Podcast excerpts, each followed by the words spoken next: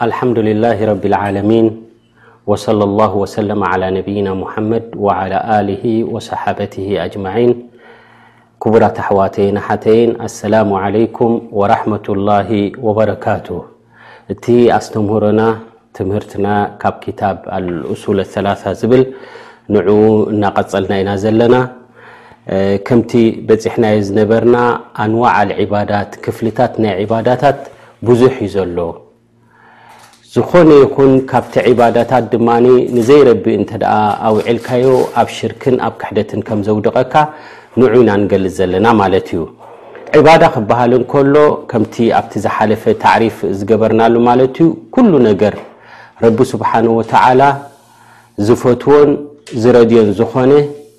ቃላዊ ይኹን ተግባራዊ ከምኡ ድማ ውሽጣዊ ይኹን ግዳማዊ ረቢ ልዓለሚን ዝፈትዎን ዝረድዮን ዝኾነ እዚ ዒባዳ እዩ እሞ እዚ ዒባዳ እዚ ዓይነት ድማ ንዘይረቢ ከተውዕሎ ሽርኪ ከም ዘውድቐካ ድማ ንዑና ጀሚርና ንገልፅ ዘለና ማለት እዩ ሕጂ እቲ ዒባዳታት ኣልዛሂር ኣሎ ወልባጥን ኣሎ ኢልና ማለት ግዳማዊ ዝረኣይ ኣሎ ውሽጣዊ ድማ ዒባዳ ኣሎ ማለት እዩ ኣዕማል ልጀዋርሕ ወኣዕማል ልቁሉብ ይበሃል ማለት እዩ ማለት ብኣካላትካ ብክፍሊ ኣካላትካ ትሰርሖ ከምኡ ድማ ናይ ተግባራት ናይ ልቢ ድማ ዒባዳ ከም ዘሎ ንዑ ኢና ንርኢ ዘለና ማለት እዩ እዚ ኣስተምህሮ እዚ ተፍሲል ኢና ንገብር ዘለና ዝያዳ ትንታነታት ንተን ኣንዋዕ ናይ ዒባዳታት ኢሉ ዝጠቐሰን ሙኣልፍ ንዑ ንትንትን ኣለና ማለት እዩ ምን ኣልዒባዳት ኣልቀልብያ ጠብዓን ዒባዳት ከምቲ ዝበልናዮ ግዳማውን ውሽጣውን ስለዝኾነ ብፍላይ ሕጂ ኣበየናይ ኣተኪርና ኣለና ማለት እዩ ኣብተን ቀልባዊ ድኾና ወይ ውሽጣዊ ዝኾነ ኣልባጢን ዝኾነ ንዑ ኢና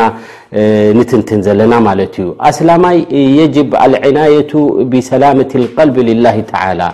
ኣስላማይ እንድሕር ኮይኑ ናይ ግድን ይኸውን እዛ ልቢ እዚኣ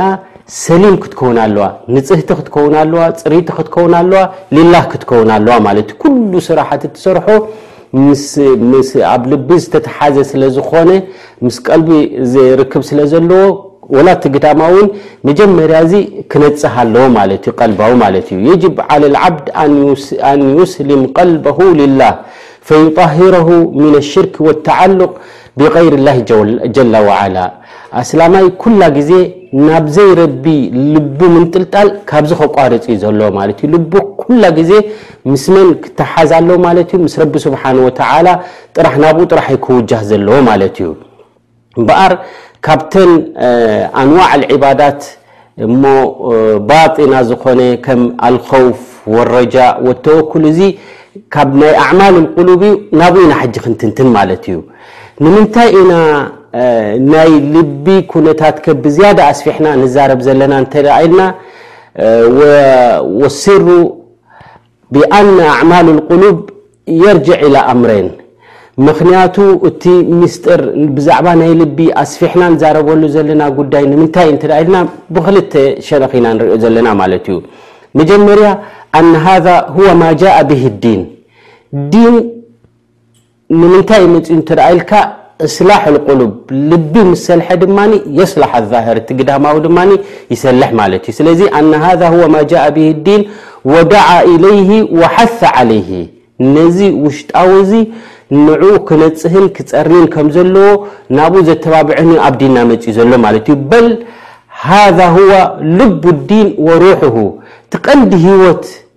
ናይ ዲን እንታይ እንተ ኢልካ እቲ ልባዊ እዩ ማለት እዩ ثመ የዝሃሩ ኣሰረሁ ፊ ልጀዋርሕ ብድሕሪኡ ልቢ ምስ ነፅሀ ምፀረየ ሊላህ ምስ ኮነ ሽዑ እቲ ግዳማውን ስራሓት ድማ እንታይ ይኸውን ማለት እዩ የዝሃር ኣብኡ ይረኣይ ማለት እዩ እቲ ልቢ ስለ ሰሊሑ ስለ ደሎ ኣብ ኣካላት ድማ ይረኣይ ማለት እዩ በዚ ሓደ ሸነኽ እንታይ ንገብር ኣለና ነቲ ናይ ቀልባዊ ዝበሃል ናብኡ ማለት ዝያዳ ኣስፊሕና ንገልጽ ኣለና ማለት እዩ ብካልኣይ ሸነኽ ድማ ኣነ ከራ ምና ናስ እህተማ ኢለ ظዋህር ኣክር ምን ልበዋጥን ብዙሕ ሰብ ከተስተብሃለሉ እንከለኻ ወላ ቶም ኸዋስ ከይተረፈ እውን ኣብ ግዳማዊ ዝያዳ ኣብኡ እንታይ ይገብሩ ቆላሕታ ይገብሩ ማለት እዮም ኣብቲ ውሽጣዊ ዘሎ ብዙሕ ቆላሕታ ኣይገብሩሉን ማለት እዩ። ወሹጊሉ ከሲረን ቢማ የጥፉ ዓለ ሰጠሕ መብዛሕቱ ግዜ ነቲ ሱቅ ኢሉ ሰፈፍ ኢሉ ዝረኣይ ዝኾነ ናብኡ ጥራሕ የስተባህል ማለት እዩ ሰብ ወለም ዩረክዝ ቢማ የርሰቡ ፊል ኣዕማቅ እቲ ቀንዲ መሰረት ናይ ውሽጢ ቆላሕታ ዝገብረሉ ውሑድ እዩ ማለት እዩ። ኢዛ ኣስበሐ ኣልዛሂሩ ዓሚረን እንተ ደኣ ግዳማዊ ዘብለጭልጭ ኮይኑ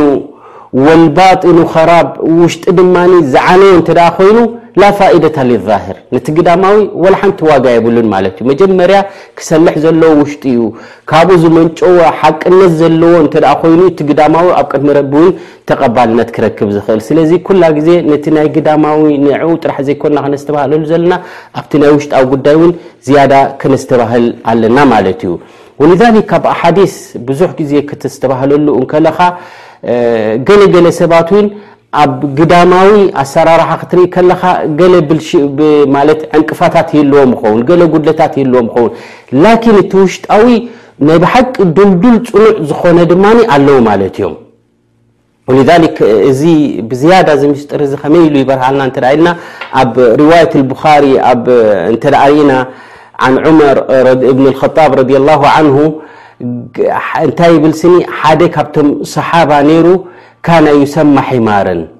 ወካነ ዩድሒኩ ነብዩ ሰለ ላሁ ዓለይሂ ወሰለም ማለት ብዙሕ ግዜ ምስ ረሱል ሰለ ላሁ ዓለይሂ ወሰለም ይፃወት ነይሩ ንረሱል ሰለላሁ ዓለይሂ ወሰለምን የስዕቆም ነይሩ ናቱ ታሪክ ናይ ብሓቂ ደስ ዝብል ፅቡቅ ጠባያት ነይርዎ ማለት እዩ ላኪን እቲ ዕንቅፋት ናቱ እቲ ኣበር ናቱ እንታይ እዩ ወካነ የሽረቡ ልከምር መስተ ይሰቲ ነይሩ ማለት እዩ ወየጅልድሁ ኣነቢዩ ለ ላሁ ለ ወሰለም ሰቲ ይመፅእ ይግረፍ ነይሩ ድማ ማለት እዩ። ሓደ እዋን ድማ መሊሱ ድማ ሰትዩ ድማ መሊሶም ይገርፍዎ ማለት እዮም። ፈኡትያ ብሂ መራ ሓንሳብ ምስ መፀ ከም ኣመሉ ምስ ሰተየ ማለት እዩ ፈቃለ ረጁል ለዓነሁ ላህ ኢሉ ረቢ ይልዓኖ ረቢ ካብቲ ራሕሙ የርሕቆ ኢሉስ ልዒንዎ ማለት እዩ። ማ ኣክተሩ ማ ዩእተ ብሂ ኢለ ነቢይ ሰለ ላሁ ዓለይሂ ወሰለም ክንደይ ግዜ ናብ ረሱል ሰለላሁ ዓለይሂ ወሰለም ክንደይ ግዜ መፂኡ ኣሎ ክንደይ ግዜ ተገሪፉ ኣሎ ጠጠው ዘይብል ሰብ ኢሉ ምስ ለዓኖ ፈቃለ ነብዩ صለ ላሁ ዓለይሂ ወሰለም እንታይ ኢሎሞ ነቢ ስ ሰለም ላ ተልዓንሁ ኢሎሞ ኣይትልዓኖ ኢሎሞ ፈኢነሁ ዩሕቡ ላሃ ወረሱለሁ ኢሎም እዚ ሰብ እዚ ፈታዊ ረብን ፈታዊ ረሱልን እዩ ኢሎም ኣነቢ ዓለ ሰላት ወሰላም በዚ መስኪሮምሉ ማለት እዮም እዚ ኣብ ርዋየት ቡኻሪ ኣሎ ማለት እዩ ብሓደሸንኽ ድማ እንታይ ንዝተባህለሉ ማለት እዩ ሓደ ዘንበኛ እንተ ኮይኑስ ራሕማ ክንገብረሉ ከም ዘለና እውን ብሓደ ሸነኽ የብርሃልና ማለት እዩ ሊዛ ብዛዕባ እዚ ኣመልኪቱ ሸክ ልእስላም እብኒ ተይምያ ዓብይ ፋኢዳ ዘለዎ ዓብይ ቁም ነገር ዘለዎ ዘረባ ተዛሪቡ ማለት እዩ ብዛዕባ ኣልከላም ዓን ልኢማን ወልእስላም ወልእሕሳን ምስ ተዛረበ እንታይ ይብል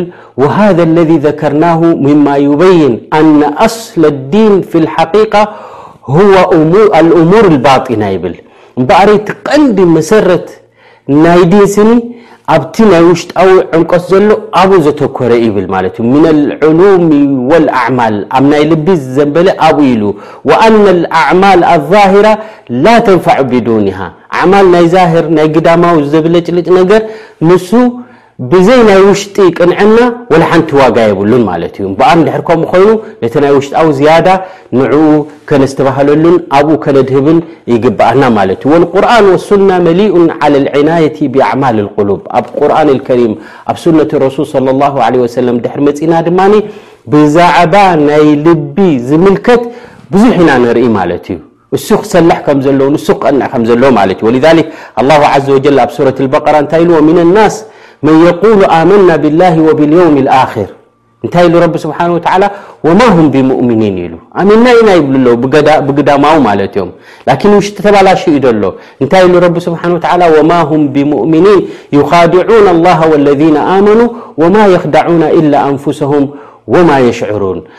እዚ ንደቂ ሰባት ነቶም ኣስላም ከደናግሩ ኢሎም ኣሚንና ኢና ንሕና ምሳኻትኩም ኢና ድብልዎም ዘለዉ ናይ ግዳማዊ ዘብለጭልጭ ዘሎ ደኣ እምበሪ ውሽጢ ተባላሽዩ እዩ ዘሎ ፊ ቁሉብሂም መረድ ፈዛደሁም ላሁ መረደን ወለሁም ዓዛቡን ኣሊሙን ቢማ ካኑ የክዚቡን እቲ ኣብ ናይ ውሽጢ ጉዳይ ተባላሽዩ ዘሎ ሕማም ኣለዎ መረድ ኣለዎ ኢሉ ረቢ ስብሓን ወተዓላ ማለት እዩ ስለዚ እምበኣረይ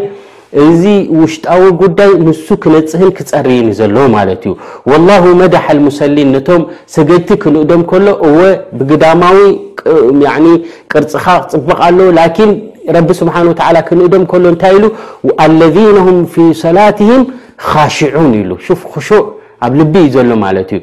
ለው ኸሸዓ ቀልብሁ ለኸሸዓ ጀዋሪሑሁ ከም ዝበልዎ ነቢ ዓለይሂ ሰላቱ ወሰላም ኢዘን ኣለዚነ ሁም ፊ ሰላትህም ኻሽዑን ንመን ንኢድዎም ረቢ ስብሓነሁ ወተዓላ ነቶም ኹሹዕ ዘለዎም ማለት እዩ። ከምኡ እውን ኣብ ዘካት ረኣይ ሕጂ እዚ ኣብ ሰላት እዩ። ኣብ ዘካት እውን እንታይ ኢሉ ረቡና ዓዘ ወጀል ኹዝ ሚን ኣምዋልህም ሰደቀተን ቱጠሂሩሁም ወቱዘኪህም ቢሃ ሕጂ እዚ ሰደቃ እዚ ዝወፅእ ዘሎ እዚ ዘካት ዝወፅእ ዘሎ ንየናይ የጽሪ ኣሎ ማለት እዩ ነቲ ውሽጣዊ ምክንያቱ እዚ እቲ ውሽጢ ዘሎ ምስ ቀንዐ እዩ እዚ ዘካትን እቲ ጠሃራን ዝመጽእ ዘሎ ማለት እዩ ኢዘን ኹዝ ምን ኣምዋልህም ሰደቀቱን ቱጣሂሩሁም ወቱዘኪህም ቢሃ እዚ ኣብ ሱረት ተውባ ዘሎ ማለት እዩ ኣስሉ ዕባዳታት ንየናይ እዩ ደስልሕ እንተ ኢልካ ንውሽጢ እዩ ደስልሓልካ ማለት እዩ ወሊዛሊክ ኣብ ናይ ስያም እንተ ርኢና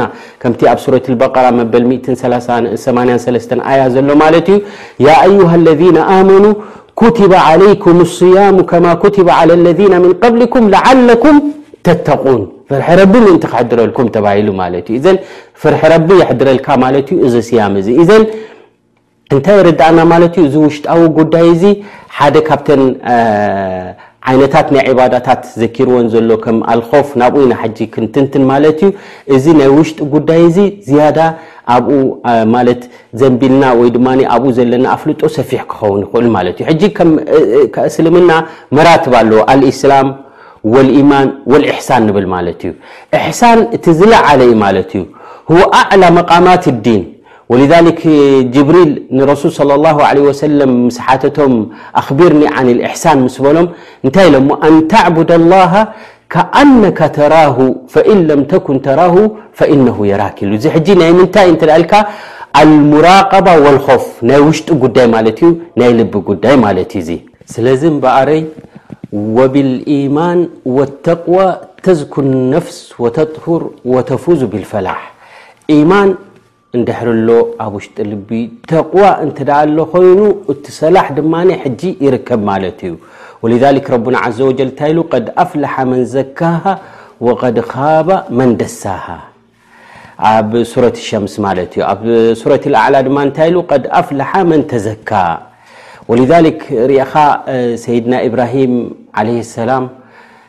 እቲ ዱዓ ክገብሩ ከለዉ እንታይ ኢሎም ጽባሕ ንግሆ የውመል ቅያማ እቲ ቀንዲ ትሕዝቶ ክቐንዕን ክሰልሕን ዘለዎ ጉዳይ ናይ ልቢ ስለ ዝኾነ ኣብ ሱረት ሹዓራ እንታይ ኢሉ ረብና ዓዘ ወጀል ብዛዕባ ሰይድና ኢብራሂም ዝበልዎ ወላ ትኽዚኒ የውመ ዩብዓሱን የውመ ላ የንፈዑ ማሉን ወላ በኑን ኢላ መን ኣተ ላሃ ብቀልቢን ሰሊም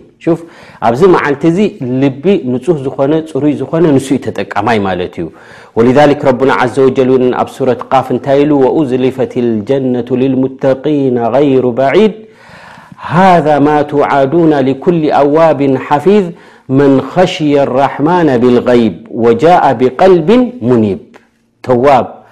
ኣዋህ ዝኾነ ልቢ እዚ እዩ ፅባሕ ንጎ ዕውት ዝኸውን ማለት እዩ ወልዛሊክ ኣነቢ ዓለ ሰላት ወሰላም ከማ ፊ ሰሒሐይን ኣላ እነ ፊ ልጀሰዲ ሙድቃ ኢሎም ኣብ ክፍሊ ኣካላት ናይ ሰብ ኣላ ሓንቲ ክንዲ ኩላሶ ስጋ ተኣክል ኢሎም ኢዛ ሰላሓት ሰላሓ ኣልጀሰዱ ኩሉ ንሳ እንተ ተዓርያ ንሳ እተ ፀርያ ንሳ እተ ቀኒዓ ኩሉ ነገራት ይቀንዕ ኢሎም ወኢዛ ፈሰደት ፈሰደል ጀሰዱ ኩሉ እንተ ደኣ ንሳ ተባላሽያ ንሳ እንተ ደኣ ሓሚማ ድማ ኩሉ ኩነታት ይባላሸው ኩሉ ነገር ድማ ይዓኑ ማለት እዩ ወይ ድማ ፋይዳ ዘይብሉ ይኸውን ማለት እዩ ኣላ ወህየ ልቀልብ ንሳ ድማ ልቢ ኣይሎም ኢዘን እዚ ሕጂ እንታይ የረዳእና ማለት እዩ ጉዳይ ናይ ልቢ እዚ ኣንዋዕ ኣልዕባዳ እዚ ሕጂ ክንዝክሮ ኢና ማለት እዩ ኣልኮፍ ወረጃ ምስ ልቢ ተተሓዘዩ እዚ ዓሚቕ ዝኾነ ፍልጠት ብዛዕብኡ ክህልወና ኣለዎ፣ ናብ ረቢ ስብሓነሁ ወተዓላ ድዘንበለ ክኸውን እዩ ዘለዎ ማለት እዩ። ወሊዛሊክ ነቢይና ሙሓመድ ዓለይሂ ሰላቱ ወሰላም ፊ ሪዋየት ሙስሊም እንታይ ኢሎም ኢነላሃ ላ የንዙሩ ኢላ ኣጅሳሚኩም ወላ ሱወሪኩም ረቢ ስኒ ነቲ ክፍሊ ቅርፂ ኣካላትኩም ወይ ነቲ ስእሊያዊ ኣይኮነን ዝርኢ ወላኪን የንዙሩ ኢላ ቁሉቢኩም ወኣዕማሊኩም ሹፍ መን ይረኣይ ኣሎ ማለት እዩ ቀልቢ ይረኣይ ኣሎ ማለት እዩ ቀልቢ እንድሕር ሰሊሑ እዩ ድማ እቲ ዓመል ድሰልሕ ማለት እዩ ወሊዛሊክ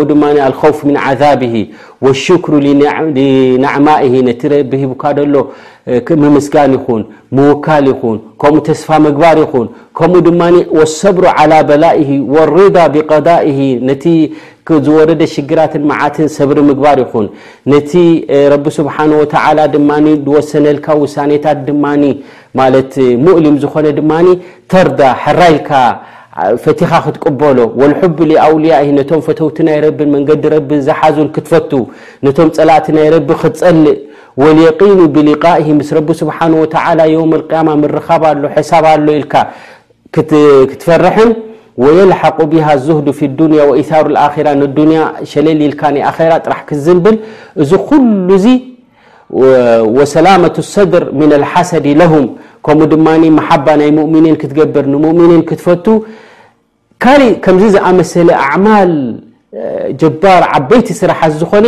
ኩሉሃ ሚን ኣዕማል ልቀልብ እዚ ኩሉ እዚ ኣበይ ዝርከብ እንተ ኢልካ ኣብ ልቢ ዝርከብ እዩ ማለት እዩ እዘን እዚ ኩነታት ናይ ልቢ ጉዳይ ናይ ልቢ ዓብይ ነገር ዓብይ ቆላሕታ ክንገብረሉ ዘለና ጉዳይ ማለት እዩ ወ ካብታ ታዕሪፍ ናይ ዕባዳ ኢና ኩሉ ዝትንታነ እዚ ነምፅኦ ዘለና ማለት እዩ ምክንያቱ ዕባዳ ክበሃል እንከሎ እንታይ እዩ ጥራሕ ግዳማዊ ጥራሕ ዘይኮነ ኮላይ ውሽጣዊ ዝሓዘ እዩ። ውሽጣዊ ኮላይ ዝሓዘ እንተ ኮይኑ እቲ ውሽጣዊ ድማ ንሱ ዝያዳ ክቐንዕ ኣለዎ። ንሱ እንተ ቀኒዑ ድማ ኩሉ ክፍሊ ኣካላት ድማ ካሊእ እውን ክቐንዕ ይኽእል ማለት እዩ። ወሊዛሊክ እቲ ኣዕማል ተቐባልነት ዝረክብ ሚዛን ናቱ ናበይ እዩ ድምለስ እንተ ተባሂሉ ናብ ልቢ እዩ ማለት እዩ። ልቢ እንተ ፅሩይ እንተ ኮይኑ እክላስ ዘለዎ እንተ ኮይኑ ናብ ረቢ ዝተወጀህ እንተ ኮይኑ እቲ ናይ ኣዕማል ዛህር ድማ ተቐባልነት ይረክብ ማለት እዩ። ونسأل الله عز وجل بمنه وكرمه ان يوفقنا لما يحبه ورده وصلى الله وسلم على نبينا محمد